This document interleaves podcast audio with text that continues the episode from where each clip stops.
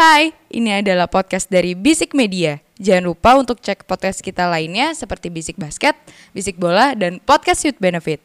Oh iya, jangan lupa juga follow Instagram kita di @bisikmedia.id. Oke, selamat mendengarkan.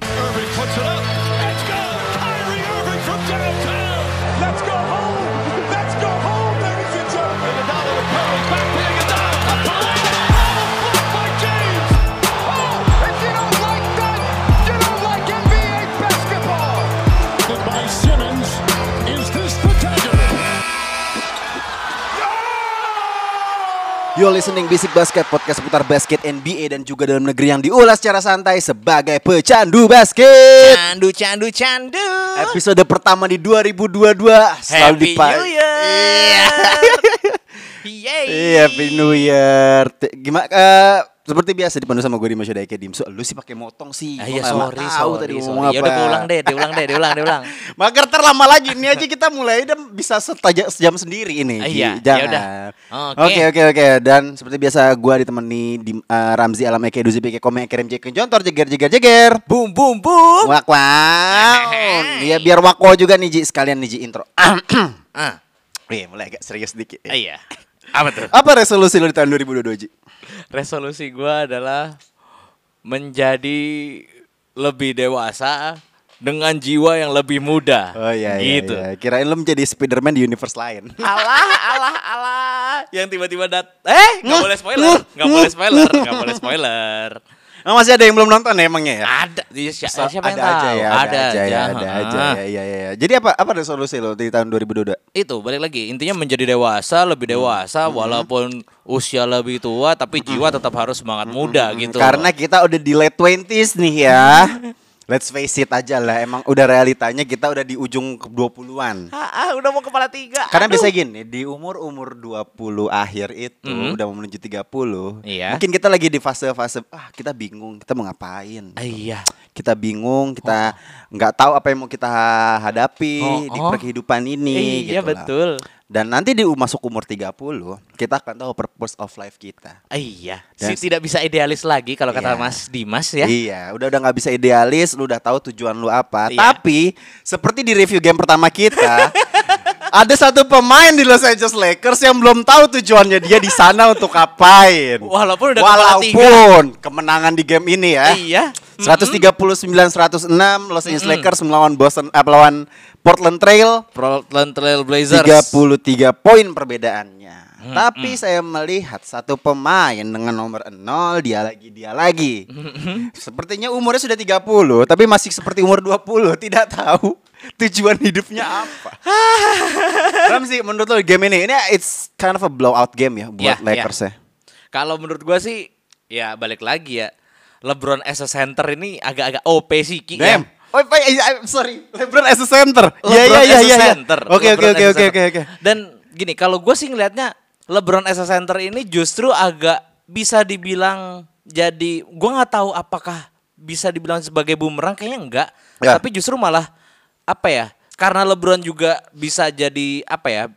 stretch five yang baik gitu loh. Yap. Ya walaupun memang oke in defensive way lu pasti bakal jauh banget. Ya. Jauh banget bener-bener kayak lu udah nggak bisa ngapa-ngapain gitu in defensive way. Iya. Cuman at the offensive way lu bisa bener-bener spacing banget, lu bisa bener-bener ngasih jarak banget di mana lu lu bisa nyerang dari luar, lu bisa nyerang dari dalam dan itu yang ngebuat LeBron bener-bener leluasa banget di sini dan ya gua waktu itu sempat gue sempat bilang ke lu di luar Ya. podcast ini ya, Ya. gue kayak mikir anjir orang makin tua biasanya makin ke belakang ini makin ke depan cu Iya, uh-uh. iya kan makin makin buat apa crash the board lah ibaratnya Iya. tapi ini dia malah makin jadi center di mana dia jadi pusat pusat dari perputaran bola Ya. cuman ya nggak tahu sih gue sih melihatnya ya LeBron James juga udah bisa memberikan sesuatu jelas di beberapa game terakhir dia Iya. di atas 30-an terus di game ini bahkan 43 poin Iya.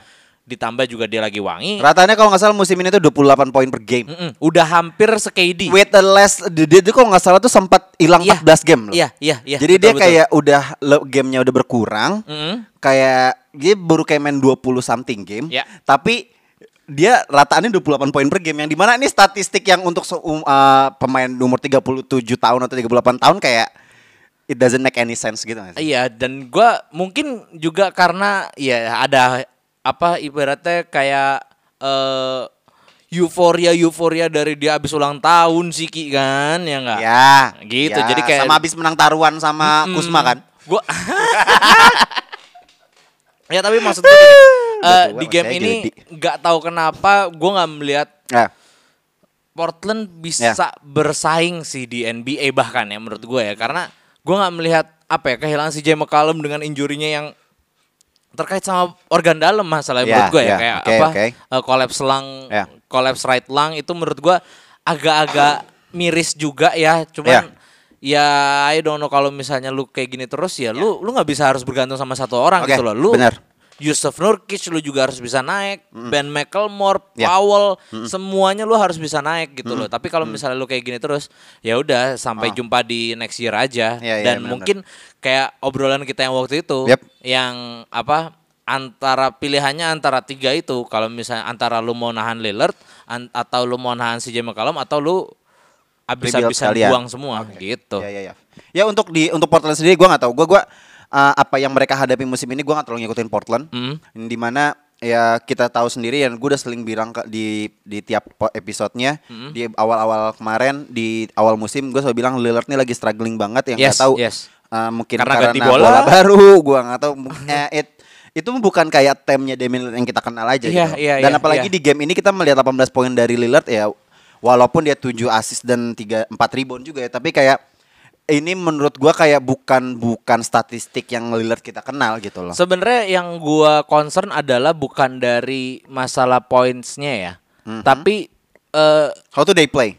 bukan eh, persentase masuknya, field Ah. goals percentage Field goal. 5 per 15 coy. Field goal made. Iya, Mhm. field goals made-nya cuma 5 dan menurut gua ini bukan Dame, ini bukan Ya. Dame gitu loh. Dame ya gua nggak tahu apakah nggak nggak cocok dengan skemanya si Chauncey Billups ya, cuman kayaknya lu harus banyak Ya. berubah dan Ya. I don't know mungkin Ya.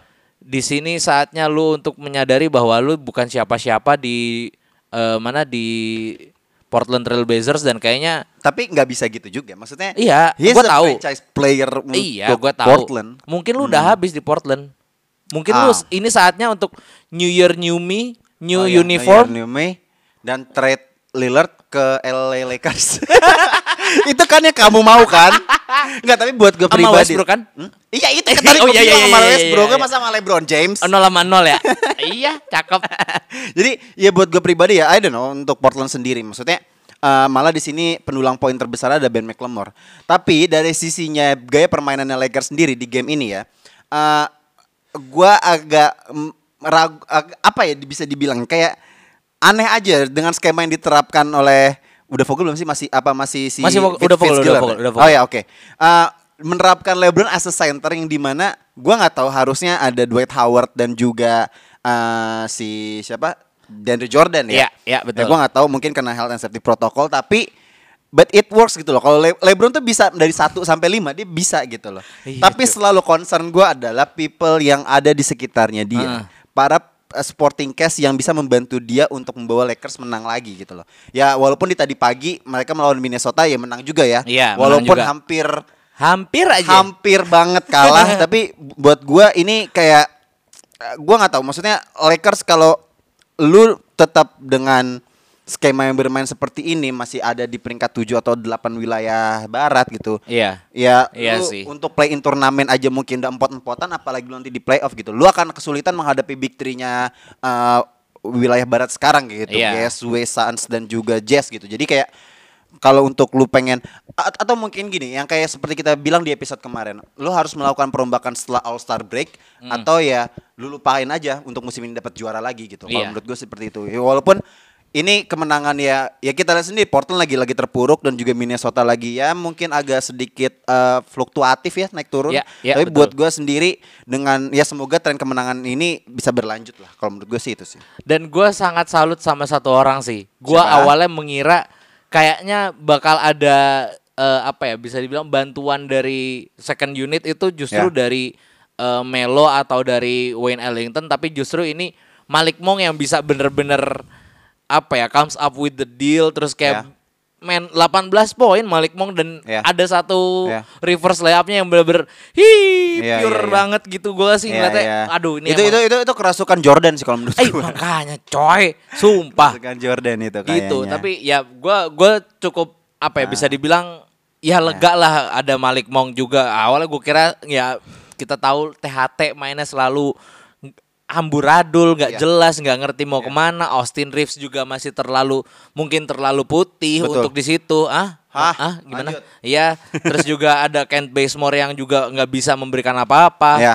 Trevor Ariza yang sudah ah, hampir expired lah bisa Hampir dibilang expired ya, ya, ya, ya, betul betul. dan itu sih intinya kalau menurut gua Ah, ini gue seneng banget ada, ah, ada ah, Malik ah. Monk sih. Ya, ya kalau menurut gue dari dari dari pemain yang terlepas dari big three-nya yang dimiliki Lakers sih, menurut gue Ya. ya mungkin ada terselamatkan karena ada Malik Monk as a scorer juga, kemudian Yes, at, at a yes. crucial moment ada ya gue nggak bisa menghindari untuk bilang ini bahwa sebenarnya Melo juga belum habis. Iya betul. Tapi dari sisi defensive way-nya, gue akan selalu bilang parameter menjadi masalah, masih menjadi masalah, Selalu, selalu selalu. menjadi masalah. Kehilangan Caruso dan juga mungkin Kuzma dan KCP, menurut gue itu menjadi hal yang harus ditutupi segera. Makanya gue bilang kayak gue nggak tahu harusnya mungkin seperti Malik Monk atau nanti Russell Westbrook yang mengubah role-nya dia Iya, untuk iya, menjadi iya. yang mungkin nanti Russell Westbrook nggak nggak perlu as jadi scoring lagi, lu Iya. nggak usah menjadi stat pader ya. Kalau untuk yang poin kedua mungkin agak sulit ya, Iya. as a stat pader ya. Iya. Cuman merubah role lu untuk menjadi eh, pemain yang in a defensive way bisa menolong tim lu, Hmm. itu juga sebenarnya nggak buruk-buruk amat kok. Dan jujur gue juga nggak, gue jarang banget ngeliat Lakers sekarang take charge sih. Ya. Kalau tahun kemarin kayak bener-bener sa- even LeBron pun juga berani untuk pasang badan Gue gitu loh. gue sangat merindukan di mana eh, Lakers di bubble. They're not Iya. good at uh, offensive way, but in defensive way they're Wah That- perfect. that's the perfect key sih. for winning Iya. the title at the bubble gitu Iya, loh. iya, Itu sih. iya, setuju. iya, iya. Oke, di game selanjutnya, nah ini kayak ini prediksi kita salah bro. Eh, iya ya. Oke. Ini prediksi kita, eh, prediksi gua Enggak, bener. kita bener. Kita Enggak, semua enggak. Sixers. Kita Oh semua iya, Sixers. iya, Iya, iya, iya. kita oh gue yang salah, gue yang bilang Nets yang menang. Hmm. Oke, Brooklyn Nets melawan Philadelphia 76ers yang di mana ternyata Sixers memenangi pertandingan ini 110-102. Ah, gue nggak mau excuse karena Kyrie Irving ternyata belum main ya. Mm-mm. But still they had Durant gitu loh di game ini gitu. Oke. Durant menjadi poin ter- eh, pendulang tertingginya. Oke, iya. Tiga-tiga dibarengi juga James Harden 33 juga dan they got a triple double. Mm-mm. But um, Sixers lebih sempurna kayaknya di game ini. Lu setuju gak Ji sama gue? Gua Tapi gue melihat tuh Apa? statistiknya juga, hmm, they're, they're good too. But timpang. Cuman, eh menurut lu gimana? Menurut lu gimana dulu deh? Gini, Oke. gua selalu menjadi apa ya? Selalu sangat-sangat skeptis sama Nets kalau misalnya kete- melawan tim-tim dengan eh, apa ya? size yang besar di mana dominasi mereka tuh size yang besar gitu. Di mana mereka punya Tobias Harris mereka punya Joel Embiid tentunya. Dan juga ya gue nggak bisa bilang eh Korkmaz dan eh, apa bisa dibilang Shake Milton juga ya ya udah gitu loh. Cuman mereka core inti kekuatan mereka itu ada di bawah gitu loh. Di Joel Embiid gitu loh. Dan di sini Joel Embiid bener-bener men nggak ada yang bisa jaga Even lu lu kalau lu nonton game ini kan, lu Mm-mm, nonton game ini kan, gue juga gua. nonton. Gue melihatnya, man, dia udah bukan conventional center lagi. Man, dia three point anjir. Dan dia Makanya. lebih sering three point gitu. Iya, dan gini, ditambah juga balik lagi. Brooklyn Nets bener-bener lagi bau banget. Jujur Patty Mills bau banget, bau Iya, banget. iya, iya, Dan. Oke. ini apa ya? Gue gue ngerasa eh apa ya? Karena eh, di statistik juga itu memperlihatkan bahwa Sixers itu sebenarnya pema eh, tim dengan nomor satu untuk eh, apa free throw Free throw percentage. mate mate mate Operator mate, oke. Iya, mate dan attempt tuh mereka nomor satu dan ini benar-benar menunjukkan banget bahwa ya mereka emang dikdaya di bawah gitu Iya, loh. oke. Ya free throw pasti dapetnya akan lebih sering di bawah daripada Iya, kayak James Harden setuju, gitu kan. setuju. Nah itu yang menurut gua mereka bisa maksimalin itu Ya. dan ditambah eh bisa dibilang Claxton udah dibungkam, Black Griffin dibungkam, LeMarcus Aldridge dibungkam, Iya. KD pun dibungkam sama Embiid gitu loh. walaupun ini walaupun dibuka, but still they got Eh, iya, seperti itu poin iya, ya. karena juga ditambah ya KD juga Ya kita tadi sebelum sebelum ngetek juga bilang kan, even Kobe pun sampai sekarang, ya bukan sampai sampai di beliau meninggal, Rest in peace. rest in peace Kobe, eh, sampai beliau meninggal pun mereka masih nggak tahu gimana. Ya, Kobe pun nggak tahu Kobe dia cara tahu. menjaganya Ah, AKD ah, gimana. Gitu. Ya ya ya ya. Tapi tapi eh, di game ini buat gue sendiri gue sam gue ak- seakan lupa gitu bahwa core dari permasalahannya Brooklyn Nets adalah dari sisi defensifnya mereka. Iya, iya. Gue melihat game ini di first half, gue melihat Philadelphia 76 itu adalah tim yang menurut gue hampir sempurna tapi kayak lu kalau misalnya di playoff nanti nggak bagus, ini, ini gue prediksi buat Sixers aja ya. Iya. Kalau misalnya lu nggak nggak bagus di di, di uh, playoff nanti gitu, lu kayak percuma aja gitu. Karena ini gaya permainan lu paling bagus kalau menurut Iya, gua. iya, iya, betul, karena, betul, Karena betul. gini, dengan squadnya mereka yang ya kecuali Benjamin Simmons obviously Oh ya nggak jelas, ada, ya kan. jelas. heeh. Mereka memainkan skema yang sangat sempurna di di di, di apa namanya di backcourt mereka uh, Seth Curry sama Tyrese Maxey juga bermain sangat bagus. Hmm. Yang di mana di backcourt uh, di front courtnya juga ada Tobias dan Matt Tybul serta uh, Embiid yang bagus banget gaya Hmm. bermainnya mereka tuh secara defense dan ofensifnya tuh serupa. Ya, ya, sama ya, ya. berimbang. Jadi mereka secara defense-nya bagus banget dan secara ofensifnya mereka kayak punya beberapa opsi yang di mana semuanya bisa scoring gitu Ya, loh. betul, betul. Wala- walaupun di sini ya kembali lagi Embiid lagi menjadi pendulang utamanya ya. Tapi mereka punya Tyrese Maxey yang 25 poin, Iya, Seth iya. Curry yang 17 poin. Itu tuh itu yang apa ya yang dibutuhkan di semua tim NBA yang di mana lu nggak bisa hanya bergantung dengan satu pemain Iya. All Star aja satu bintang tapi setiap tim eh, setiap pemain di dalam tim yang ada di lapangan itu harus bisa poin juga Iya. walaupun lu nggak perlu sebagai apa ya eh, yang pendulung utama lah Hmm. tapi yang kedua adalah yang kuncinya adalah lu harus bisa bermain defense juga Iya, gue iya, melihat iya, di betul, game betul. ini di seperti first half itu Sixers itu ngejauh sampai berapa belas poin sampai Ya. yang di mana uh, Nets sendiri itu bisa kembali unggul itu kalau nggak salah di quarter 3 Baru akhir. kuarter ketiga terakhir Di ya. quarter ketiga. Nah, makanya Ya. menurut gua itu mungkin karena kayak ya, kalau nggak salah di lapangan tuh cuma lagi lagi lagi second unitnya Sixers Iya. aja yang lagi Iya. ditaruh gitu. Jadi Betul. tapi menurut gua ya inilah maksudnya Brooklyn Nets walaupun lu ada di peringkat dua wilayah timur ya Hmm. mungkin lu akan dengan mudah masuk playoff tapi kalau misalnya lu masih masih defense-nya masih ngalor ngidul kayaknya Lu akan Lu susah akan- untuk di playoff nantinya. lu akan kesulitan di playoff dan gua akan meragukan lu akan bisa di NBA Finals gitu. Hmm. Iya. Makanya dengan skema, makanya gue suka dengan tim-tim yang kayak Bucks,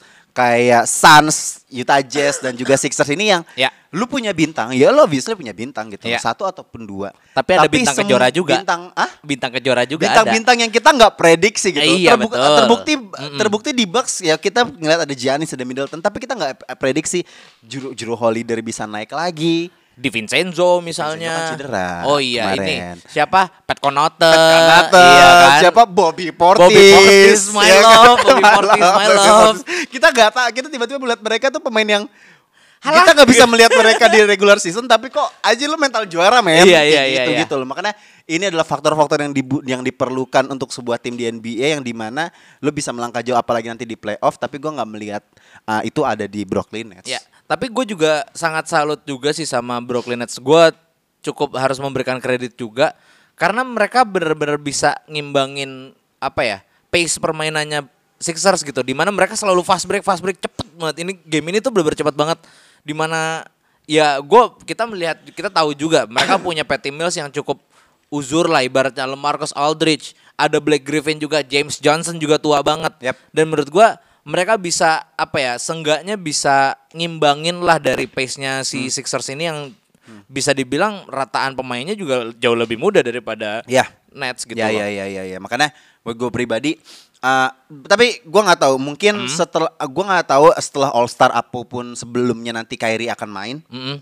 Kalau misalnya itu terjadi kita akan melihat yang seperti yang gue pernah bilang ke lu juga dan Hmm. di podcast ini gue pernah bilang kita akan lupa bahwa defensif Nets itu tertutupi dengan kegilaan offense-nya mereka Tapi gua jujur agak-agak gimana ya? Gue kayak nggak nggak nggak terlalu setuju gitu loh. Kenapa? Karena kayaknya ya bisa jadi bumerang gitu loh. Karena oh sudah terbukti sudah terbukti memang kan di musim kemarin kan juga seperti itu kan Iya, karena juga Harden sekarang udah mulai kebiasa untuk megang bola juga. Ya. Dan juga scoring juga, kebukti Ya, dia ya, ya. dia triple double dengan 30 plus poin terbanyak di Nets franchise-nya Nets. Oke. Which nanti kalau misalnya udah ada Kyrie, Kyrie mau ngambil poinnya juga. ya kan? Iya. Belum ke, belum kebukti nih dia bisa poin sebanyak Hmm. Harden gitu loh. Oke memang memberikan dampak positif gue yakin. Ah, Cuman ah. gue nggak yakin kalau misalnya apa ya? eh chemistry-nya bakal dapat lagi gitu loh. Itu sih. ah, am, ka- ka- kalau gue malah nggak melakukan dengan perihal chemistry ya karena eh, pas James Harden di trade pun dengan adanya big three itu eh, orang-orang udah pada skeptis ya lu nggak akan bisa menempatkan tiga big three eh tiga tiga all star player dalam satu tim yang di mana ya mereka semuanya scorer semuanya bisa megang bola akhirnya kan chemistry kalau nggak salah Stephen A. Smith yang bilang seperti itu tapi kita lihat bahwa chemistry-nya mereka klop aja kalau nggak salah di Kyrie Irving tuh pernah bilang ya udah kalau misalnya James Harden yang pengen jadi point guard gua kasih deh bolanya Ya. kan dia sempat bilang kayak gitu Iya. kan nah tapi yang gua khawatirkan adalah gimana nanti ini Kyrie Irving udah kehilangan mungkin udah setengah musim dia nggak ada Ya, ya betul. untuk kembalinya lagi di mungkin setengah regular season dan abis itu tiba-tiba langsung ketemu di playoff Hmm. itu mungkin yang gua agak raguin gitu loh. Makanya Mas Kairi vaksin ya.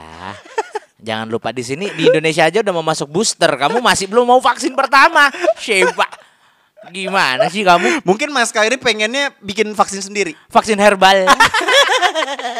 ya, ya maksud gue itu loh maksudnya Iya. Brooklyn Nets harus harus bisa nge-adjust lagi ya karena Betul. losing two streaks ini karena kalau nggak salah kemarin apa tadi pagi ya mereka juga habis kalah sama Clippers 120 Hmm. Oke. something. Ya, ya, ya. Tadi pagi, tadi pagi. Tadi pagi ya makanya ini udah menjadi alarm bahaya yang di mana lo harus bisa nge-adjust lagi karena Yes. gue melihatnya bahwa kayaknya Harden sama Kyrie ini karirnya apa bukan karirnya pendek maksudnya kontraknya juga Nggak udah panjang-panjang nggak panjang-panjang amat ya mungkin akan ada kejutan lagi nanti di beberapa musim ke depan. Iya. Tapi ini tim yang punya materi juara amat sangat sayang kalau misalnya udah big three semua pemainnya all star semuanya adalah scoring machine, a good dribbler, a good shooter tapi nggak nggak juara itu kayak eh gitu loh. Gue cuma kasihan sama Patty Mills sih nanti kalau misalnya Kyrie balik.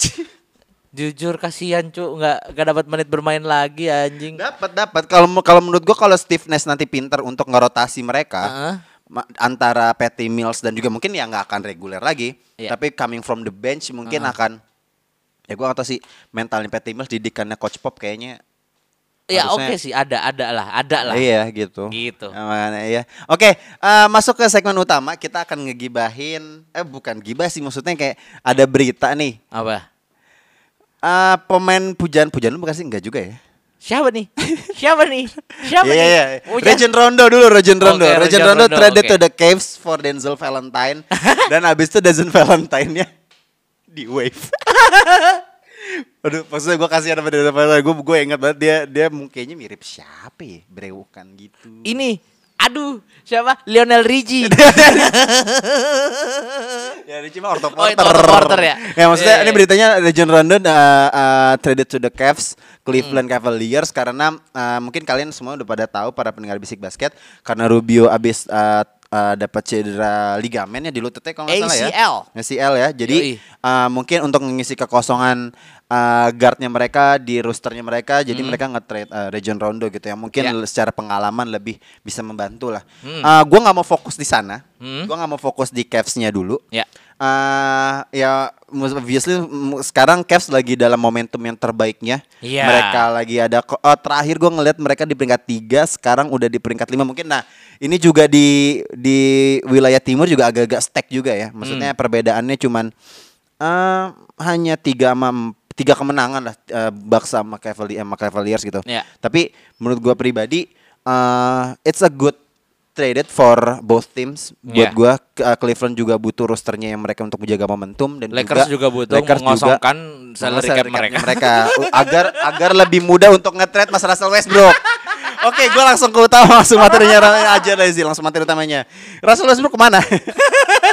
atau atau gini aja, atau gini aja deh, atau gini Gimana, aja deh. gimana, Kita nggak akan pernah bosan untuk ngomongin mas-mas yang ini gitu loh. Heeh. Dulu caster kita juga selalu ngomongin ini dan ngerosting dia gitu. Ah, Iya betul. Ya kan? Betul. Menurut lo aja deh, yang salah dari Mas Russell Westbrook ini apa gitu loh? Karena di beberapa plat eh, akun-akun eh, basket di eh, di Instagram Hmm. kayak kayak authentic, terus kayak nbmemes.id, shout out to nbmemes.id, terus kayak beberapa akun yang lain itu sema akan-akan berharap banyak dengan like, ber- eh, Russell Westbrook di Lakers gitu. Hmm. Tapi dia nggak bisa menunjukkan gitu. Apa-apa yang sekarang kita udah ma- udah malas untuk mencari apa yang salah dari dia deh. Hmm. Kita langsung ke eh, apa namanya solusinya aja. Menurut lu, menurut lu ya ideal ya solusinya harus seperti apa gitu. Udahlah harus cabut intinya. Menurut gua sih gitu karena gini. Seumur-umur gua tuh melihat LeBron itu selalu sama eh bisa dibilang sama guard yang bisa handle, yang bisa megang bola. Pertama, zaman dulu dia di Heat ada Dwayne Wade yang which nggak nggak terlalu eksplosif kayak Russell Westbrook juga. Di Cavs m- dia punya Kyrie Irving di mana ya udah dime dime aja gitu. Dia nggak bukan bukan posisi utamanya dia untuk bisa dibilang scoring gitu loh. Dan apa ya? Gue nggak mengetahui tugas utamanya Russell Westbrook tuh apa Ya. dia hanya menjadi Russell Westbrook gitu loh. Dan gua bisa mengang, meng- meng- apa ya? Gue bisa mengambil kesimpulan Ya. bahwa kayak pas lawan Portland itu, itu hanya LeBron dengan lima batang kayu. Ya, even pelatihnya Empat pun, dong. even Masa di pelatihnya, lapangan, ah? even pelatihnya. Dia sempat ribut sama, sama coach Phil Handy tuh. iya makanya. Padahal udah konco banget anjing. Terus Makanya, nah, gue nggak melihat apa ya Russell Westbrook itu bisa menempatkan diri yang benar gitu loh ibaratnya. Aha, Dan gue juga apa ya kayak nggak tahu mainnya seenak jidat aja gitu loh. Ya, iya. Nah, menurut gue ibarat orang tuh mau disuruh resign, dia dibiarin udah jelek-jelek dulu performa lu, Aduh. gitu loh. Gak dikasih kerjaan. udah dipinggirin, lo dikasih kubikal paling pojok, gak dikasih kerjaan, Kan itu udah. Lu juga se- sempat ngomong di grup kan pas waktu lawan Lak- Lakers lawan siapa gitu. Terus udah clutch Mas Russell Westbrook udah di pojok, udah kosong. Malik Monk. Da- ya. eh Malik Monk sama LeBron James yang di double team, Russell Westbrook udah kosong, tetap aja ke kamu Eh, dikasih kan? dikasih, ya. Ya udah, Ya, itu udah jelas, sih. itu udah udahlah exit strategi kamu kalau misalnya udah pada kerja ya nih ya lihat nih semuanya ya kamu biasanya tuh tiba-tiba nggak dikasih kerjaan Walaupun lu dulu mungkin adalah uh, employee of the year, employee of the month, ya kan? Ya kan? Pujaan manajer-manajer, ya kan? Iya, dan gue balik lagi sama omongannya Stan Van Gundy minggu kemarin yang udah gue omongin bahwa triple double tidak menunjukkan bahwa kamu bermain dengan bagus dan tidak membuktikan bahwa kamu bisa membawa sebuah tim itu untuk menang gitu loh. Dan sekarang lu main game di NBA yang lu harapkan apa? Ya menang kan? Betul. Bukan lu pengen wah gue pengen triple double. No, it's not your personal achievement. Ya. Dan menurut gua Ya. Please lu harus buat Mas Russell Westbrook nih ya Mas ya. Selalu kita mengingatkan Mas Ras ya. Kita ingin mengingatkan bahwa hey, hey, halo, knock knock gitu ya. Knock, knock, Mas jokes, Russell bangsat. Westbrook, kamu itu sudah mendapatkan rekor itu. Uh-uh. Buat apa kamu masih ngejar lagi? Iya. Emang emang lu kira siapa sih Josh Giddey? Emang yang mau kira-kira bakal eh, ngejar triple double lu yang sekarang jadi youngest player of the eh youngest player who get triple double. Iya, Enggak iya. kan? Iya. Dan maksud gua udah ini lu buka jangan apa ya achievement lu yang selanjutnya itu bukan bukan dengan permainan triple double lu tapi ya lu let's win the ring gitu loh. Lu Iya. nggak nggak bisa lu kayak gini mulu gitu loh. Intinya gitu sih kalau dari gua. Iya iya iya. Ah, ah, gua hampir nggak punya lagi kepercayaan untuk Mas Russell Westbrook gitu. Um, Makanya. apa ya? Um, eh, here's the thing. Buat gue pribadi adalah ah, gimana ya? Ini res- saking resahnya tuh sampai bingung tau di- Saking- kata-kata. Saking eh, gini nih, saking gue habis baca ada The Ringer ya. Mungkin Iya. ini gue sampai tadi kayak mikir ini Westbrook tuh apa ya? Maksudnya harus dia harus dia harus bagaimana gitu. Iya, loh. iya. Apa yang perlu di adjust dari dirinya dan yang harus Lakers lakukan untuk eh, bisa membantu dia di eh, di performanya terbaik biar dia bisa membantu tim ini untuk jadi tim yang contending lagi gitu loh. Iya. gue baca dari The Ringer, gue dibilangnya gini. Kita tahu adalah eh, ya ya dia adalah pemain yang dia eh, pemain yang Decent eh, play ya. eh, decent play decent player NBA yang yang mungkin dia chance-nya untuk menjadi Hall of Famer tuh gede banget lah. Iya. Iya. Dengan segala statistiknya, rekornya dia dan juga karirnya dia yang yang mungkin untuk sampai titik ini dia belum mendapatkan cincin juara, menurut gua dia mungkin udah ada di sana gitu loh. Iya. Walaupun di pensiun saat ini juga mungkin dia akan menjadi Hall of Famer mungkin Pasti. menurut gua. Nah, tapi untuk legasinya sendiri dan yang yang lagi dia hadapin sekarang adalah dia harus bisa ngembangin dirinya lagi dan lu nggak boleh nggak boleh bermain seperti lu dulu dulu Sekarang, gitu iya. loh. Eranya tim lu udah ganti, tim lu udah berubah. lu udah lebih dewasa, harusnya lu lebih mature, lu harus lebih tahu cara bermain seperti apa gitu. Dan lu nggak bisa nggak bisa seperti ini terus gitu. Iya. Lu nggak akan bisa selalu menjadi orang yang triple double, lu yang semuanya serba lu. Lu bukan seperti itu untuk saat ini. Iya. Apalagi lu punya LeBron James di tim eh, sebagai teammate lu. Itu tuh lu nggak bisa menggeser dia gitu loh. Lu nggak bisa nggak bisa menggeser Iya. statistiknya dia gitu. balik lagi itu masalahnya di mana ya I don't know mungkin juga ditambah AD juga lagi cedera ya jadi even alpha dan beta male-nya juga lagi bingung gitu loh Ya. ibaratnya. Karena kalau misalnya lu gini Russell Westbrook terbiasa menjadi alpha male. Ya. dan eh, di situ juga ada LeBron yang biasa jadi alpha male. AD bi- terbiasa menjadi beta. Ya kan? Udah biasa jadi beta dan udah main bareng LeBron dan sudah terbukti bahwa dia mendapatkan cincin gitu loh. Ya. Dan kalau Russell Westbrook ini kalau misalnya lu selalu pengen alpha gitu ya. Ya. Ini gue gue shout out banget sama postingannya Koiril ya tadi tadi pagi. Dia bener-bener ngetawain set playnya si Russell Westbrook gitu lah yang Ah, di ya. clutch di quarter 2 atau quarter 3 gitu.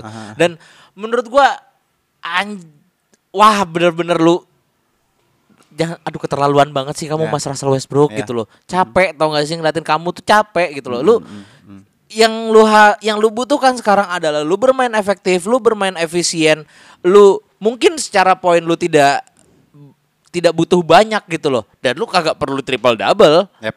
Udah gue bilang kalau misalnya Mas Russell Westbrook triple double kamu bahaya, kamu bisa kalah gitu Ya. loh. Dan intinya balik lagi, udahlah. Eh lu harus tahu porsi lu, lu harus tahu temen-temen lu itu permainannya seperti apa dan ya udah go with go with it gitu loh. Jangan lu membuat ritme sendiri, intinya gitu Ya. sih. Jadi kalau kalau gue lanjutin ya, maksud gue Ya. kalau gue masih agak punya harapan gitu loh Nah. untuk Russell Westbrook sendiri untuk bisa membantu uh, Lakers untuk bisa lebih baik lah gitu loh. Ya. Karena di uh, harapan lu sebagai fans Lakers dan gue juga ya menyukai tim ini gitu. Hmm. Gue berharap dengan big three yang adanya Lakers uh, dengan adanya Westbrook ini kan mengembalikan Lakers untuk menjadi tim yang contending lagi Iya, setuju. gitu. Cuman it didn't work well sepanjang beberapa puluh game ini gitu loh Iya. di musim di musim ini gitu. Cuman yang tadi yang gue baca juga di The Ringer, jadi gini, em, kemarin kalau nggak salah kita sempat ngebahas gimana PR-nya antara LeBron sama AD, Hmm. LeBron sama eh, Russell Westbrook, LeBron sama apa AD sama Westbrook Mm-mm. bahwa PR-nya mereka untuk untuk bermain cuman hanya ada duo ini di lapangan Iya. tanpa ada mereka bertiga di lapangan Iya. itu lebih baik kalau mereka cuma berdua doang gitu loh Oke, ngerti. Ya. berpasang-pasangan gitu Iya. loh nah tapi ada satu catatan yang di mana seharusnya di saat Lebron, LeBron ada di lapangan dengan Russell Westbrook itu role-nya Russell Westbrook harus berubah menjadi second scoring option bukan dia lagi yang jadi first scoring optionnya Bukan dia tuh, bukan Russell Westbrook. bukan Russell. Westbrook jadi Oke. jadi first scoring optionnya. Oke. Tapi jadi score, second scoring optionnya pun juga nggak cukup lu hanya sebagai pendulang poin yang di mana lu eh bisa ngatasin ibaratnya oke LeBron lagi bau habis itu lu yang naikin gitu. Enggak enggak seperti itu. Ya, ya. Ta- Lu jadi ya mungkin bukan second scoring option juga menjadi third scoring option walaupun cuman ada LeBron sama LeBron sama Russ doang di lapangan gitu loh. Tanpa adanya AD. Ngerti nggak? Iya. Ngerti nggak? Iya, iya. Nah, masalahnya adalah sekarang dari role-nya lu, lu itu harus bisa menjadi yang balik lagi yang tadi gue bilang di awal, lu harus bermain defense-nya itu lu kayak ya lu bukan bukan all star, bukan pemain bintang. Iya, iya. Coba bermain seperti itu deh. Lu harus melihat bahwa lu bukan runtuhkan ego lu, lu bukan pemain bintang, bermain dengan sesuai apa yang tim lu butuhkan. Lihatlah Melo lah ibaratnya. Lihat Melo, malah kalau menurut gua lihatlah Malik Monk. Oke, ya, ya, ya, ya. lihatlah ya, Malik Monk. ya. Dia bukan all, dia bukan pemain bintang. Ya. Dia dia pemain yang yang yang ya boleh bisa dibilang kasar lah, lu lu cuman lu gajinya tuh lu nggak ada sepersepuluhnya Russell Westbrook atau LeBron gitu loh. Dia ha- Tapi dia lebih hanya batang efektif. kayu lah. Hah? Batang kayu lah. batang kayu lah, tapi dia lebih efektif gitu. Iya. Dia lebih Iya. Di PR lu sama PR Russell Westbrook dan Malik Monk itu cuma beda dua poin, men. Gajinya jauh banget tapi kan. Makanya. Nah, makanya menurut gua itu lu untuk Russell Westbrook sendiri lu harus coba bermain di mana sesuai dengan tim lu butuhkan. Bukan lu, lu bisa begi- lu bisa menunjukkan apa yang tim lu butuh, apa, uh, Apa yang yang, lu lu bisa. kasih. Ya tim lu harus adjust, enggak gitu men. Ya, ya, ya, lu ya, harus ya, adjust ya, ya, diri ya. lu untuk tim, bukan Yes, tim harus yes. adjust buat diri lu. Setuju. Harus seperti itu gitu loh. Itu You- itu harapan-harapan gua paling in- paling terakhir kayaknya. Mas untuk Ras Russell Westbrook. Perlu gue translate nggak? Mungkin biar Mas Ras dengar gitu ya. Iya, coba. Eh, basically you need to adjust yourself with your team, not your team adjusting to you. gitu. Actually kayak gitu. Iya. I mean like Jujurly, jujurly. Ya, Ini kita bukan toxic ya Mas Westbrook ya. iya. Soalnya anda yang Mm. toxic. Anda yang toxic, Anda itu. Nah, tapi oke lah kalau misalnya gue masih menarik nih sama yang yang uh, episode kemarin kita bahas nih. Iya. gue masih kalau misalnya ini nggak nggak nggak works gitu sampai akhir musim ya. Nggak ya mungkin Lakers akan akan ya terhempas lagi di first round di di playoff karena gue masih Ah. punya walaupun mereka struggling di peringkat 7 atau 8 uh, di wilayah barat tapi gue masih masih sangat yakin mereka akan ada di playoff nantinya gitu loh. Tapi bisa melangkah jauh uh, that's two different things gitu ya. Iya, iya. Itu itu itu hal yang berbeda gitu. Masuk Apalagi di playoff sama melangkah jauh gitu Iya, ya. lu bisa Ya. masuk playoff tapi lu nggak akan bisa melangkah jauh gitu loh. Nah, itu yang gua khawatirin untuk Lakers nanti di musim ini gitu loh. Nah, eh makanya tadi gue sempat bilang bahwa harus ada adjustment se- setelah All Star break ataupun musim depan harus ada adjustment lagi. Iya, Nah, intinya gua- sebelum transfer dead, apa deadline, Iya, iya, deadline. iya, iya, makanya itu. Nah, eh mungkin hal yang bisa dilakukan untuk Lakers adalah memaksa Rob Pelinka dan juga Legian Lah GM. untuk melakukan trade lagi. Iya, pasti sih. Harus kalau menurut gua harus. Nggak mungkin AD, Enggak mungkin LeBron. Gak mungkin Udah LeBron. jelas nggak mungkin LeBron. Tidak mungkin LeBron. LeBron Karena bisa dia GM-nya, hatinya ha? dia. Ha? Ya pasti Russell Westbrook gitu loh. Iya. Ada tiga kemungkinan dari gue ini. Ada tiga kemungkinan. Gue barusan coba di trade machine. Oke, oke. Ada Ini tiga menarik. kemungkinan Iya. untuk um, Aku tinggal pilih aja nih. ya ya Oke. menurut lu aja, menurut Oke. lu aja, menurut lu Oke. aja. Ada tiga kemungkinan trade yang gue tadi buat. Yang ini trade-nya sukses semua ya, tapi nggak tahu maksudnya ini kan hanya ngayal-ngayal babu ya. Iya. Tapi lu bisa para pendengar bisik basket dan lu juga sih bisa kayaknya ini lebih make sense deh atau mungkin Oke. Semuanya sense atau semuanya nggak mungkin lah gitu. Ya, ya, ya, ya, bisa ya, pilih ya, ya, ya. Yang pertama ini yang dari yang menurut gua nih agak mustahil ya. Eh Lakers akan nge- eh, akan trade dengan Portland. Ya Hmm. di mana Russell Westbrook akan nge-trade akan di-trade dengan eh, mungkin Malik Monk ataupun Kendrick Nunn ditukar dengan Damian Lillard dan Mac- Ben McLemore Oke. secara salary masuk. Cuman dari Ryan Hellinger's point di ESPN Trade Machine agak-agak nggak menguntungkan Portland ya. Iya, jelas yo, jelas Tapi lah. menurut gua untuk penyegaran tim yang seperti yang kita bilang untuk Portland sendiri Hmm. ini sangat reasonable. Iya. Apalagi Lillard yang di mana mungkin butuh pembaharuan, masih Hmm. lebih fresh dan mungkin mentalitinya lebih baik daripada Russell Westbrook. Iya. Menurut gua ini trade yang sedikit ideal sih Iya, cukup ideal. cukup Oke. ideal gitu loh. Apalagi Lillard kan asal dari LA ya, Nah, ah. dari kayak di Cali gitu Yoi, kan. yoi. Ya, kayak gue kayak ya mungkin masuk tapi Ya. mungkin eh, yang bisa menghalangi adalah eh, Portland sendiri nggak akan mau nge-trade Lillard yang di mana dan Lillard pun juga stand dengan dengan dirinya dia bahwa, Bahwa gua akan gua ke mana-mana, loyal. gua loyal, Loyal. gitu. Nah ini yang pertama. Oke. Yang kedua, ah ini agak eh, apa ya namanya ya? Gue baru gue baru kepikiran tadi aja sih. Hmm. Ah, Lakers akan nge, ah, akan ah, akan direct trade dengan ah, Sacramento Kings yang di mana Russell Westbrook akan ditukar dengan ah, De'Aaron Fox plus Harrison Barnes. Wah. Wow, wow, wow, wow. Ya, ini baru kepikiran aja gitu loh. Iya, iya. Ya mungkin ah, kontraknya Harrison Barnes kalau nggak salah cuma dua, dua tahun ya. yang di mana eh itu lebih ideal ya, walaupun kontraknya agak-agak sedikit besar ya. Cuman untuk di Aaron Fox sendiri ini eh de- masih lebih muda, mungkin dia masih bisa bisa menunjukkan dirinya sendiri, statistiknya juga nggak buruk-buruk banget. Dan gak sebader Russell Westbrook. Ya. dan dan dan dari, dari dari sisi gaji mungkin lebih ideal kali ya. Iya, oke. Dan secara PR-nya pun juga Kurang 11, lebih sama. 12 sama. Ya. Ini lebih ideal gitu loh. Oke. Ah, nah, itu itu itu Yang kedua. yang kedua. Yang Ah. ketiga eh, Los Angeles Lakers akan ngirim Russell Westbrook kembali ke Houston, trade langsung dengan John Wall. Aduh, aduh. Karena satu, eh Kalau menurut gue dengan John Wall, John Wall kan dia udah stand dia nggak mau main lagi kan untuk Houston kan. Oke. Kalau nggak salah. Nah, eh, mungkin eh, John Wall itu as a mentality as a scorer Mm-mm. 11-12 dengan Damian Lillard. Oke. Dan yang kedua adalah mungkin dengan trade ini misalnya terjadi eh, John Wall ke Lakers akan memberikan harapan baru yang di mana ya kita tahu sejarahnya John Wall itu kan dia habis cedera panjang, Hmm. mungkin belum dapat untap-nya dan dan dia kalau nggak salah di beberapa dua tahun terakhir dia cuma main tuh 40 game. Bayangannya du- Ya, dua ya. musim terakhir dia cuma main 40 game men. Betul. yang di mana dia mungkin butuh waktu tapi dari 40 game itu statistiknya nggak buruk-buruk banget Yes. untuk pemain yang habis cedera panjang gitu. Dan mungkin dengan trade ini Russell Westbrook ya akan kembali ke Houston. Ya gua nggak tahu kayak gimana nantinya. Dan mungkin kontraknya juga cuma tinggal beberapa dua sisa dua tahun lagi. Kalau nggak salah tahun besok itu dia player option. Ya gua nggak tahu juga. Mungkin dia akan menjadi ya nggak tahu sih dia bakal ngambil juga atau gimana. Cuman ya itu urusannya Houston dengan Russell Westbrook lah. Pokoknya ya, Russell Westbrook kembali ke Houston. Tapi untuk Lakers sendiri dia akan mendapatkan guard-guard yang segar gitu. Dapat guard yang lebih bisa punya desire dan lebih Ah, lapar lagi ah. gitu loh. Ini nggak ada Intinya pilihan itu. keempat. Kalau empat menurut lu mana? Ke Sixers. Sebenarnya gue pengen milih itu sih. Ah. Ke Ben Simmons kan maksud Iya, lo kan? Iya, iya, iya. Iya. Iya, iya. Jujur nah, aja. Oke, tambahin keempat lagi deh. Iya. Mungkin mungkin dengan Ben Simmons dengan beberapa package yang kita mungkin nggak tahu nanti kayak Iya. gimana. Cuman eh, kembali ke John Wall lagi, John Wall dan mungkin Ben Simmons. Hmm.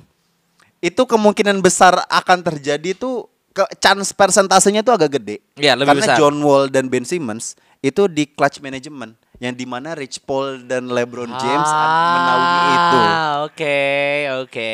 Ya, it, iya, benar it juga all ya. makes sense kan? Iya, ya. iya, kalau mungkin iya. yang tadi gue bilang Portland dengan Sacramento Kings mungkin akan akan agak sedikit ya halu aja lu mungkin lu mikirnya Iya, gitu iya, kan. iya, iya, Tapi kalau dengan John Wall dan juga Sixers ini kayak mu- masih ada chance gitu loh. Iya, heeh, Ya Rich Paul main ya LeBron ya yang enggak hal kayak gitu tuh mungkin aja Oke, gitu loh. oke, gue udah dapet Gitu. jawaban Itu gua. itu tiga dan tiga plus satu trade yang kemungkinan untuk Mas Russell Westbrook. Gue rank ya, gue rank ya. Biar boleh lu mau rank atau ya terserah. Menurut Rank lu kayak pertama. gimana? Menurut lu kayak gimana? Rank pertama yang paling gue pengen adalah Lillard lah pasti Enggak. lah. Oh enggak. yang kedua justru.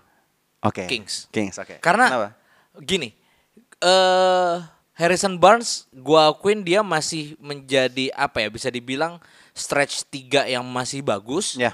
Dan dia outside shooter yang bagus. Dan menurut gua kekurangan dari eh, Lakers sekarang itu shooter-shooter mereka juga B aja gitu loh. Oke. Kalau di bawah, gue masih yakin kok ya AD kalau nanti udah sembuh, Ya. eh, Dwight Howard dan Andre Jordan masih cukup sebetulnya. Tapi lu butuh asupan poin dari luar juga gitu loh. Nggak mungkin kan semuanya LeBron, intinya gitu. Dan kalau di Aaron Fox balik lagi, Ya. ini dia jiwanya masih muda dan gue yakin secara mental dia di dalam tanda kutip dibimbing sama LeBron itu sangat-sangat gue yakin dia pasti dalam tanda kutip langsung patuh gitu loh ngerti Ya, nggak? ya. itu sih Ya, ya, ya, ya. itu mungkin yang bakal works buat gua itu sih Kings. yang pertama ke Kings yang kedua balik lagi mungkin gua akan ke Dame dulu Damn. karena menurut gua balik lagi LeBron kayaknya nggak cocok sama eh, point guard yang eksplosif yang yang nggak bisa yang nggak bisa main shooter shooting gitu loh Oke. sedangkan eh, John Wall dan oke John Wall bisa shooting juga cuman nggak sebaik Lillard gitu loh jadi kalau misalnya lu bayangin trionya itu eh, Dame LeBron dan AD udah udah aman gitu loh dari semua lini udah ada yang main dan balik lagi mungkin LeBron akan main dari wing lagi iya kan Ya. atau mungkin Ya. karena ya balik lagi kan di game terakhir ini yang lawan Portland aja mereka bisa gitu loh dengan Ya. eh, LeBron di center ya who knows gitu. AD jadi main 4 atau main 3 mungkin nggak nggak ada yang tahu. Ya. Ya kan? Ya. Kedua masih ke Portland. Ketiga gue kayak lebih setuju ke Sixers dulu deh yang 31 deh. Karena balik lagi ke kekerabatan antara LeBron sama Ben Simmons dan juga yang digadang-gadang Ini, ini, ini udah udah main sentimen ya. Udah iya, kalau yang ini deal main ya? sentimen Oke. nih kalau yang ketiga. Oke oke oke. Yang ketiga tuh soalnya katanya kan dulu di awal musim Leb- si Ben Simmons udah beli rumah juga kan di LA kan? Katanya. Ah itu waktu masih dekat sama Kendall. Ah, iya, Ah, iya, iya, makanya. lanjut aja gua mau ngomongin itu Gitu. males. Terus juga ya nggak tahu ya harapan gue sih gimana ya? Ya dia kan selalu bilang the young king, the young king gitu kan. Dan menurut gua eh, kayaknya akan seru sih kalau King from misalnya Australia. yuk, Iya. main. Kayaknya bakal seru kalau misalnya mereka berdua main bareng gitu. Tapi gua gua nggak yakin apakah mereka bisa melangkah jauh atau enggak. Ya. Nah, yang terakhir ya balik lagi ke John Wall menurut gua karena gini. Packnya tuh pasti nggak mungkin gini. Buat Houston itu sangat tidak menguntungkan sebenarnya. Karena pun juga Lakers nggak bisa ngasih apa-apa. Pack apa trade mereka eh bukan trade pick mereka nggak dikit banget kan. Udah bisa dibilang udah habis. Dan lu men- justru malah menambahkan Russell Westbrook yang dalam tanda kutip penyakit anjing. Virus virus Ya, tau gak ya, lu? ya, ya, gitu. ya, ya, ya, kayak ya, gitu ya, sih ya, kalau ya, gua. ya, ya. Ka- kalau lu Ka- kalau lu pengen bangetnya yang ke mana? Kalau kalau kalau- kalau gue gue mikir dari sisi idealis dari sisi ininya ya, maksudnya maksudnya dari sisi salary capnya juga, Hmm. dari dari apa namanya dari chance-nya mereka untuk saling menguntungkan Hmm. dan, dan melihat dari tujuan tim untuk beberapa tim eh, beberapa musim ke depan kan ada yang tanking juga kayak Houston like Hmm. rebuild atau Lakers yang seperti yang uh, must win now or never kayak gitu-gitu Ya, loh. ya. gue melihatnya satu, gue malah lebih suka ke trade-nya untuk Houston. Gue lebih suka Houston. oh Karena gini, oke eh, dari sis, karena yang tadi gue bilang Russell Westbrook itu kontraknya tinggal 2 tahun. Hmm. Musim ini dan kalau nggak salah musim depan tuh dia player option. Gue lupa apa Ya. apa di 2023 gitu, gue lupa. Hmm.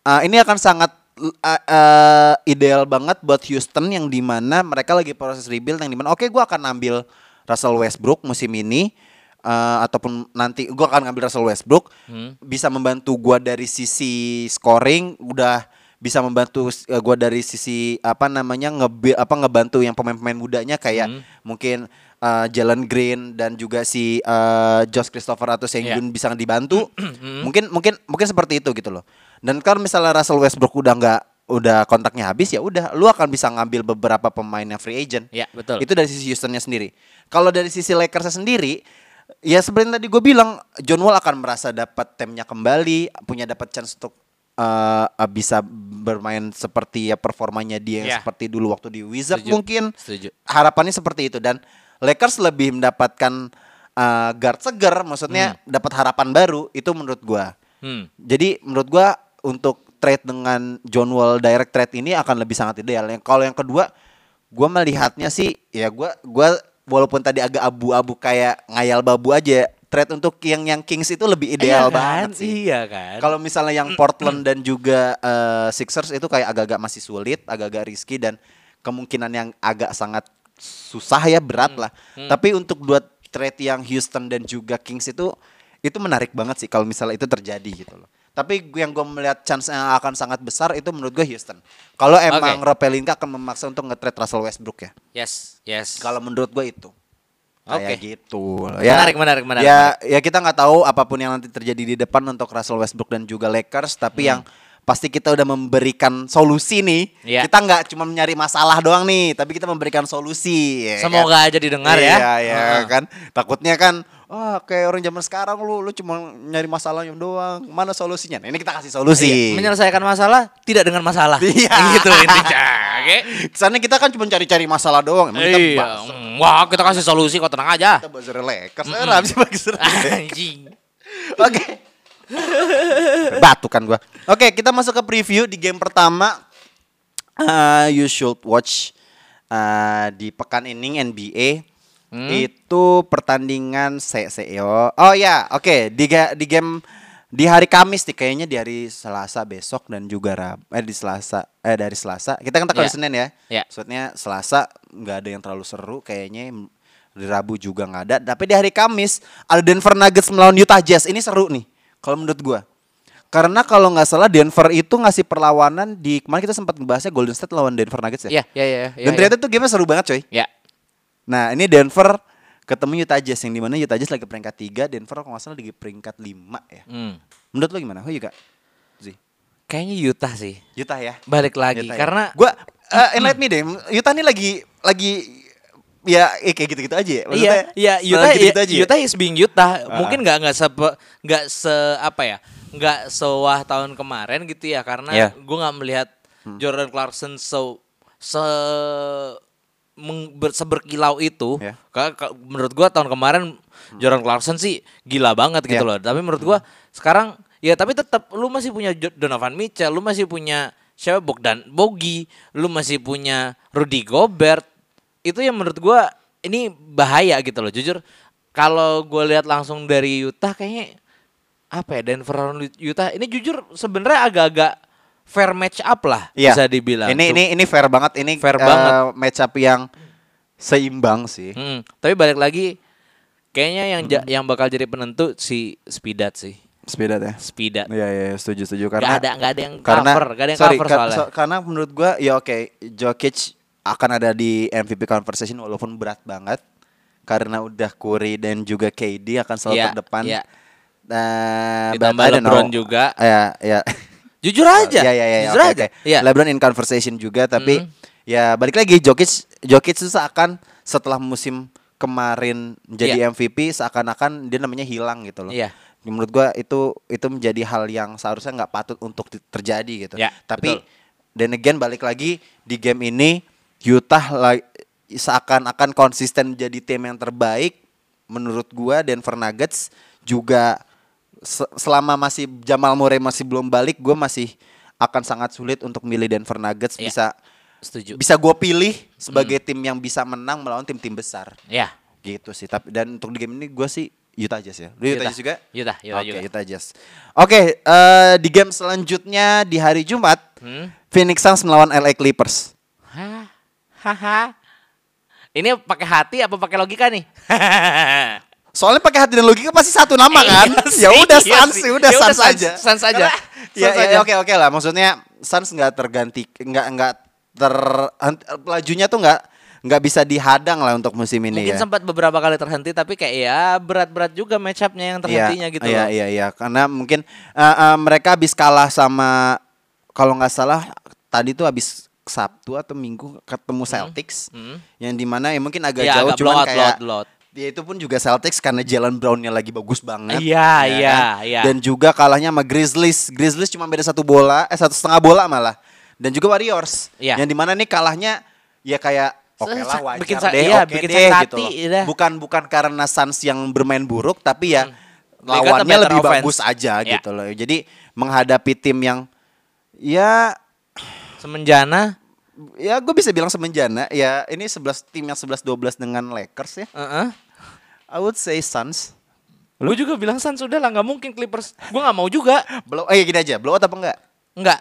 Enggak. Gue nggak yakin blowout. Tipis ya, tipis Iya, ya, tipis. tipis Karena ya. menurut gue Karena PG masih sorry. punya masih punya mental. Ya gitu. karena menurut gua Clippers juga ya walaupun mungkin sebenarnya tapi mereka habis ngalahin Nets men kemarin. Iya. Eh dan- tadi men. Dan Iya. gini, mereka masih punya apa ya, ibaratnya kayak gue pengen nunjukin bahwa tanpa Kawhi pun gue juga masih bisa gitu loh. Iya. Itu sih mindset mindset Paul- Paul George. Iya, Paul George dan teman-temannya itu yang yang menurut gua ini mereka nggak batang kayu. Iya. Masih bisa main lah Reggie Masih bisa Jackson. ma- Reggie Jackson menurut gua bisa nolong lah. Bukan batang kayu. Iya sih. Iyalah, iya, iya, iya. Zubac bisa nolong lah, udahlah. Hmm. Kayak gitu. Oke, terakhir Hmm. um, dari Sabtu Brooklyn Nets lawan Milwaukee Bucks ini pertemuan mereka keberapa ya? Ah, gue lupa. Kalau gue dari gue dulu ya. Iya, iya, iya. Sambil lu cari-cari Iya, nih iya, Brooklyn oke, Nets oke. lawan Brooklyn Nets melawan Bucks Milwaukee ya? Bucks. Kalau dari gue jujur secara materi pemain dan balik lagi penyakitnya Nets itu kalau misalnya ketemu tim yang eh, di bawahnya cukup kokoh gitu ya. Oke. Balik lagi gue kayaknya ngelihat ya Bucks cukup kokoh di bawah walaupun mereka kehilangan Brook Lopez juga ya. Yap. Dan balik lagi sih Yanis masih ya gue nggak tahu ini akan menjadi match up yang seru banget. Hmm. Mungkin akan tight game seperti just like di eh, conference finals tahun kemarin Ya, gitu ya. oke. Akan tight game banget. Oke. Cuman kuncinya cuma satu sih. Apa tuh? Kalau Kyrie udah balik Iya. itu. Kalau misalnya Ya. Kyrie udah balik, gua akan mungkin akan condong ke Nets. Tapi kayaknya kalau Kyrie masih belum balik, condong gua jelas ke Bucks sih. Iya. Eh, rekor pertemuan mereka di musim ini 2-0 eh, di opening game Hmm? kan Bucks ketemu Nets ya. Si Ya, beda-bedanya cuma 4 ya, cuma 4 poin. Hmm. Terus kemudian em, di beberapa pa- eh, di Oktober mereka ketemu dan Bucks agak jauh juga leadingnya menangnya. Iya. Em, obviously nggak nggak nggak terlihat obviously juga sih maksudnya kayak ini akan arahnya mungkin ke Bucks karena Iya. dia konsisten apalagi Giannis Betul. performanya udah Betul. udah kita nggak bisa bohong lah dia. performanya Giannis Itu dan dia. dengan solid defense way-nya Bucks gua nggak bisa melihat bahwa ya balik lagi kuncinya seperti tadi lu bilang kemungkinan untuk Nets nggak tergantikan itu dan Nets bisa kembali menjadi tim yang gua bisa yakin bahwa mereka bisa menjadi juara ya ha- hanya dengan kehadirannya Kyrie Irving masuk dalam Ya. rosternya Nets Setuju, gitu loh. setuju, ya setuju. mungkin ini gua nggak bisa bilang blowout tapi ini akan ya mungkin bedanya 10 poin atau Iya. 8 poin lah. Cukup jauh tapi nggak nggak blow out banget Tapi nggak blow out banget. Nggak 30 poin kayak mungkin Portland faktor itu. gua nggak tahu faktor kekalahannya Bu- Bucks itu apa ya kalau misalnya mereka karena mereka di musim ini udah ke- 13 kali kalah gitu loh. Kayak kalah-kalah yang Pasti sepele gak sepele sih? ya, iya iya. Biasanya Karena, gua- sepele. gua- gini gini, mungkin gue melihatnya bahwa Bucks itu kalau misalnya ketemu tim gede, tim besar, tim-tim Mereka yang contending, jadi mereka superior. akan jadi superior. Tapi ketemu tim-tim yang Semenjana. di sini gitu Ah. loh, kayak ya udahlah gitu. Iya, iya, iya sih, seperti iya itu ya? Iya sih, iya, iya, iya. Gue Ya juga sih? seperti itu. Kalau gue sih lihatnya seperti itu karena eh, mereka tuh kemarin sempat kalah sama Cavs, terus juga sama Pelicans, tim-tim yang seperti itu loh. Iya, iya. Kesandungnya sama kerikil. iya. Kesandungnya sama kerikil bisa bisa dibilang. gue melihatnya kayak ya sebenarnya ke- kemungkinan menangnya ya ya Bucks hanya karena dirinya sendiri sih. Iya, Karena gue iya. melihatnya Nets ya they're good at offensive way but Hmm. sulit sih Hmm. untuk musim ini. Ya, Gitu. setuju. Oke. Setuju, setuju, setuju. That's it for the preview. Hmm. Um, kita udah lama gak ngomongin IBL ya. Aduh, iya, aduh.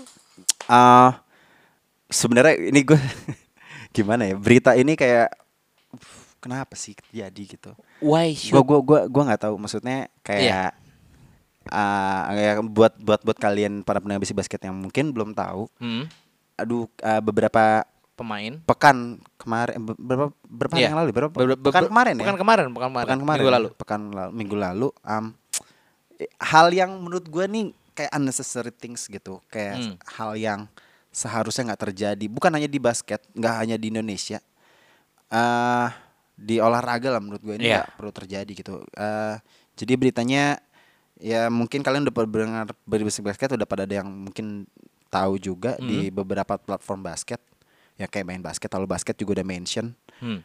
dan uh, beberapa pemain dari kalau nggak salah nih dua tim ya. Banyak Ya. ada ada ada Eh beberapa. pemainnya kok, ada- banyak, ada cuman beberapa dari dua apa tiga tim, gue lupa deh. Jadi ada 6 sampai 7 ya tim. Iya.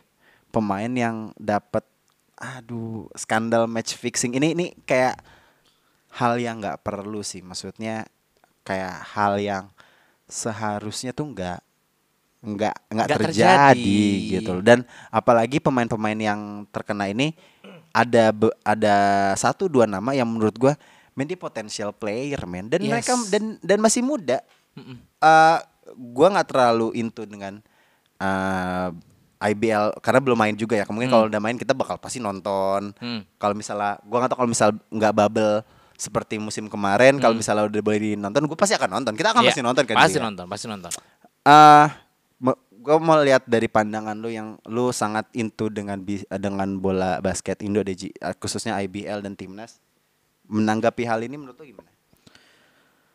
Ya gimana ya? Cukup disayangkan aja karena juga bisa dibilang ya beberapa beberapa hari setelah berita itu mencuat gitu ya semua tim yang terkait yang pemain-pemainnya masuk di daftar itu eh, langsung bilang kayak kita akan apa ya bisa dibilang kita sangat-sangat tidak menjauhkan dari namanya eh, match fixing gitu loh dan mereka benar-benar akan ber- bisa dibilang bertanggung jawab lah ya akan hal itu.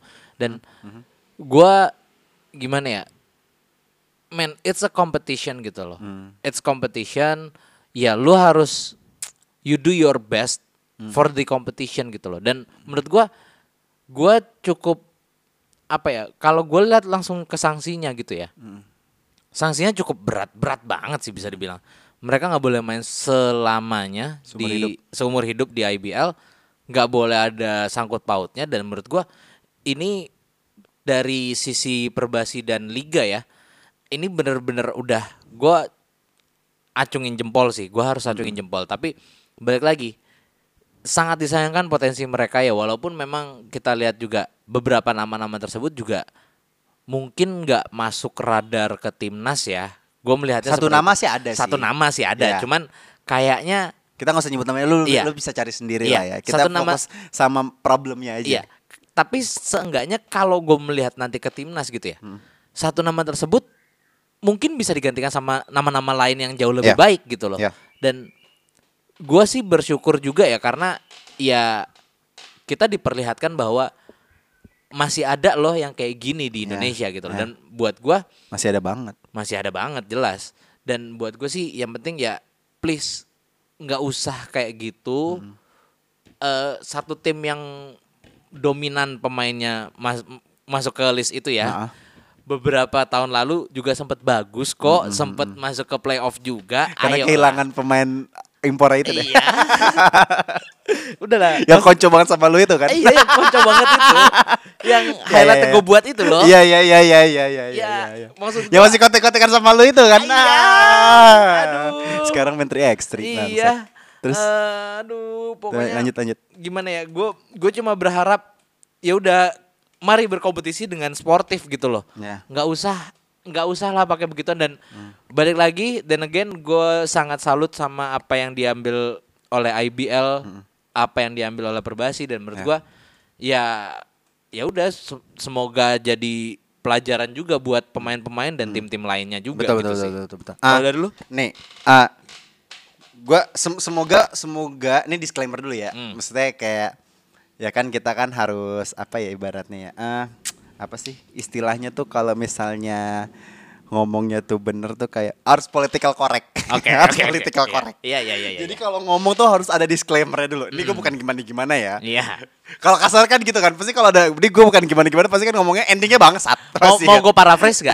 Ini gue mau nyerang lu loh. Ya, pokoknya gue biar political correct, maksudnya semoga diartikan dengan benar ya. Iya. Gini, permasalahan terhadap hal-hal yang kayak begini, Hmm. entah itu uh, gratifikasi, bahasanya gratifikasi, Iya. match fixing yang Mm-mm. melibatkan pemain official ataupun sebuah tim, Hmm. itu pasti ya mo- uh, apa sih namanya ya? uh, alasan utamanya pasti kita tahu Hmm. Hmm. Jelas. materi, Hmm. gitu kan. Uh, buat gue pribadi, harusnya hal-hal yang seperti ini tuh bisa dihindari. Bisa Iya, banget Bisa banget. dihindari. Bisa banget. Asalkan pemain official ataupun tim itu diberikan garansi bahwa ini tuh bisa berjalan, gue bisa mendapatkan hal yang gue bisa surplus, semuanya tujuannya terjalani, baik itu pemain dari sisi gaji, benefit, official dan tim, Mungkin gue semuanya ya gue singkat kali ya, Nah, gue rangkum. nah. Sejahtera. Iya, terus sejahtera gitu.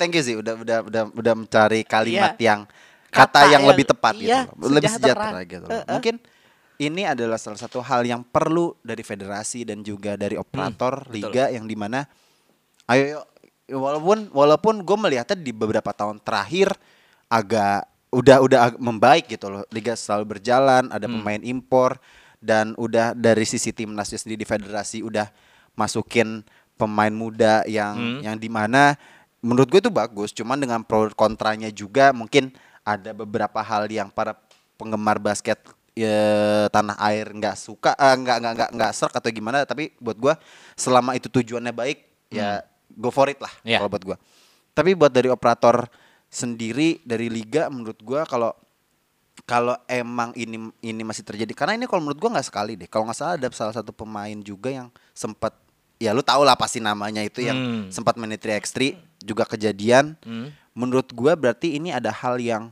membuat mereka bisa tergoda yang apa ya yang yang membuat mereka tuh jadi berpaling gitu loh ngerti nggak Iya. sih maksudnya kayak berarti ada yang ada something yang mungkin eh, dari liga atau federasi yang nggak bisa dikasih gitu Hmm.